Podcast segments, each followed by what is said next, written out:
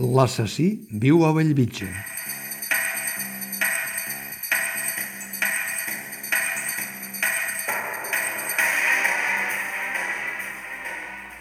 El sergent Gómez tenia ulls de llatolà.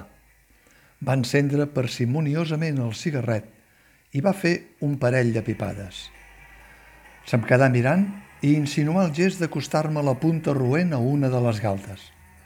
No vaig poder evitar de posar-me tibat i de fer un lleuger moviment amb el coll, ja que l'esquena trobava l'obstacle del respatller de la cadira on m'havia assegut. Això, tot i que ara pot semblar més propi d'un guió de videoclip, no és sinó el principi d'una tarda, la d'un 4 de gener, que havia d'acabar barrejant-me en l'assassinat que no gaire més tard de mitjanit es descobriria al santuari de Bellvitge.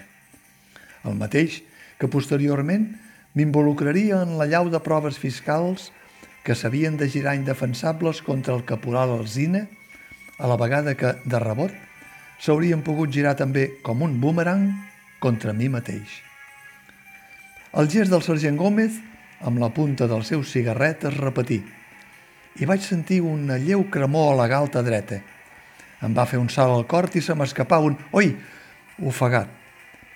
«Retiri el llum, bufill!» va ordenar el seu ajudant.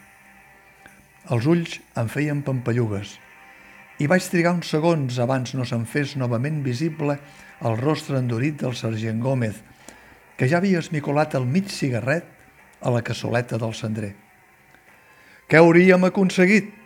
va fer, alçant la veu i adreçant-se a tots els aspirants que, com jo, emplenaven la sala de gom a gom.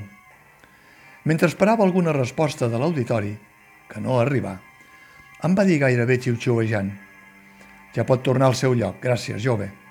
I, immediatament, repetir la pregunta en veu alta. «Què hauríem aconseguit?»